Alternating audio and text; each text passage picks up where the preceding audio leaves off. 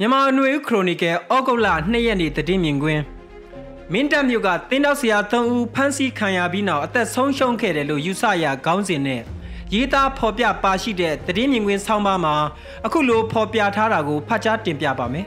။ချင်းပြည်နယ်တောင်ပိုင်းမင်းတပ်မြို့မှာရှိတဲ့ခရစ်ယာန်ဖျားเจ้าကတင်းတောက်ဆရာ၄ဦးဇူလိုင်လလယ်မှာဖမ်းဆီးခံရပြီးတည်င်းနှစ်ပတ်ခန့်အကြာမှာတော့ဖမ်းဆီးခဲ့တဲ့စစ်ကောင်စီတပ်တွေကစစ်ဆေးမင်းများရာမှာ လက်လွန်ပြီးအသက်ဆုံးရှုံးသွားပြီလို့ယူဆရတယ်လို့တည်င်းတွေမှာဖော်ပြထားကြပါတယ်။တည်င်းဖော်ပြမှုတွေအရချီလင်တာရင်284ရဲ့အနီးမှာတည်ရှိတဲ့ခရစ်ယာန်ဖျားเจ้าရှိမှာဆိုင်ကယ်တွေရပ်ထားတာကိုအကြောင်းပြုပြီးဖျားเจ้าကတင်းနောက်ဆရာတွေကို PDF တပ်ဖွဲ့ဝင်တွေကိုကူညီအားပေးနေတယ်ဆိုတဲ့တန်တရားနဲ့ဖမ်းဆီးခဲ့ပြီး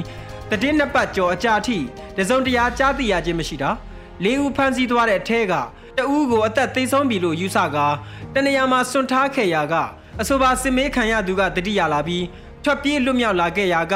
ကြံ၃ဦးရဲ့ကံကြမ္မာကိုအခုလိုကောက်ချက်ချခဲ့တာဖြစ်ပါတယ်။မြန်မာနိုင်ငံမှာလက်နက်ကိုင်အဖွဲ့ဝင်မဟုတ်တဲ့အယက်သားတွေမကြာခဏဖမ်းဆီးတပ်ဖြတ်ခံရမှုတွေ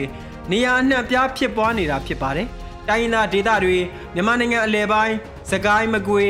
တောင်ပိုင်းကတနင်္သာရီတိုင်းပဲခူးတိုင်းတို့သာမကရန်ကုန်မန္တလေးလိုမြို့ကြီးတွေဖြစ်ပွားမှုတွေမကြာခဏကြားသိနေရတာဖြစ်ပါတယ်။ အများစုသောဖြစ်ပျက်တွေကစစ်ကောင်စီကကျူးလွန်တာဖြစ်ပြီးအ ਨੇ ငယ်များသောဖြစ်ပျက်တွေမှာတော့ PDF လက်နက်ကိုင်အဖွဲ့တွေကတည်င်းပေးပြူစောတိအဖွဲ့ဝင်စတဲ့တန်တရားဆွဆွဲချက်နဲ့ကျူးလွန်ကြတာမျိုးဖြစ်ပါတယ်မြန်မာနိုင်ငံရဲ့ဆယ်စုနှစ်ချီတဲ့ပြည်တွင်းစစ်သမိုင်းမှာအစိုးရတပ်တွေဘက်ကရောတိုင်းရင်းသားလက်နက်ကိုင်တွေဘက်ကပါတိုက်ပွဲမှာဖမ်းဆီးရမိတဲ့အခါသိချင်တဲ့အချက်လက်ကိုရိုက်နှက်စစ်မေးပြီးနောက်အဆုံးစီရင်လိုက်ကြတာဟာကျင့်ဝတ်တွေမှာမပါရှိပေမဲ့ စစ်မြေပြင်ရဲ့လက်တွေ့လှုပ်ထုံးလုံနည်းတစ်ခုလိုဖြစ်နေခဲ့ကြတာပါ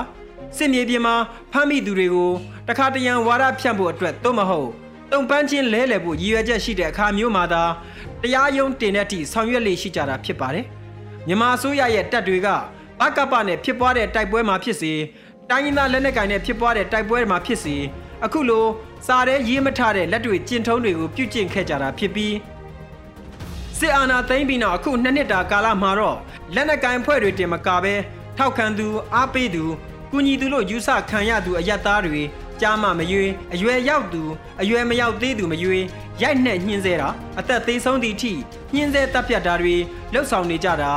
တည်င်းတွေထဲမကြာခဏကြားသိနေရတာဖြစ်ပါတယ်အခုလိုလောက်ရမျိုးတွေကအောက်ခြေတပ်ရင်းတွေကတပ်သားနဲ့အရာရှိတွေကျူးလွန်နေတာကိုစစ်ကောင်စီတာဝန်ရှိတဲ့သူတွေမသိရှိဘဲမရှိဘူးလို့တောက်ချက်ချနိုင်ပါတယ် ဒီလိုနိုင်ငံတကာဥပဒေရောမြန်မာနိုင်ငံကဥပဒေတွေနဲ့ပါမညီတဲ့လုပ်ရက်တွေဆိုးရွားတဲ့လူခွင့်ရေးချိုးဖောက်မှုတွေစစ်ရာဇဝတ်မှုလိုမျိုးတွေကိုဘာကြောင့်ခွင့်ပြုထားသလဲလို့အပြေရှားကြည့်မယ်ဆိုရင်အယက်သားတွေအနေနဲ့လက်နက်ကိုင်အဖွဲ့တွေကိုကူညီဖို့အဆင့်ထိမဟုတ်သည့်တိုင်ထိတွေ့မဆက်ဆံရဲအောင်စစ်ကောင်စီဘက်ကအကြောက်တရားဝင်အောင်ရည်ရွယ်လှုပ်ဆောင်တာနောက်တစ်ချက်ကစစ်ကောင်စီအနေနဲ့သူ့ဘက်ကတိုက်ခိုက်ပေးနေတဲ့တပ်သားတွေနဲ့အရာရှိတွေကိုလှုပ်ချင်တာလှုပ်ခွင့်ရှိအောင်ခွင့်ပြုထားတာ တနည်းအားဖြင့်စစ်ဦးဘလူးဆိုတဲ့စိတ်မျိုးရက်ဆက်တာဥပဒေလှုပ်ထုံးလုံနီးစစ်မြေပြင်ကျင့်ဝတ်တွေအယက်သားတွေပေါ်မှာပြုမှုရာမှာထားရှိရမယ်စီမင်းစည်းကမ်းတွေကိုဘာမှဂရုစိုက်စရာမလိုပဲရန်သူကိုအနိုင်ရဖို့သာအလုံးစုံရည်ရွယ်ချက်ဆိုတဲ့သဘောမျိုးလို့ယူဆရပါတယ်အခုမင်းတပ်မြို့ဖျားเจ้าကတင်းတောက်ဆရာ၃ဦးရဲ့အဖြစ်ပြက်ကလည်းအထက်ကရည်ညွှန်းတဲ့ဖြစ်ရများစွာထဲကတစ်ခုဖြစ်ပါတယ်အခုလိုဖြစ်ရမျိုးယာနဲ့ချီစစ်ကောင်စီဘက်ကကျူးလွန်နေချိန်မှာ အချို့သောဖြစ်ရပ်တွေကပြည်သူ့ကာကွယ်ရေးတပ်ဖွဲ့လို PDF အဖွဲ့တွေဘက်ကကျူးလွန်တာတွေလည်းရှိနေတာဖြစ်ပါတယ်။တာရကအနေနဲ့ပြရရင်ချောင်းဦးမြို့နယ်တဲကကြေးရွာတရွာမှာပလုံကောက်တဲ့လူငယ်9ဦးကိုကြေးရွာပြည်သူ့ကာကွယ်ရေးတပ်ဖွဲ့ဝင်တချို့ကတည်င်းပေးဆိုတဲ့တန်တရားနဲ့ဖမ်းဆီးပြီးအဲ့ဒီထဲကမိန်းကလေးငယ်တချို့ကအဓမ္မပြုကျခံရပြီးနောက်တပ်ဖြတ်ကအလောင်းဖြောက်ခဲ့တဲ့အဖြစ်အပျက်ဖြစ်ပါတယ်။ဒီအဖြစ်အပျက်နဲ့ပတ်သက်ပြီး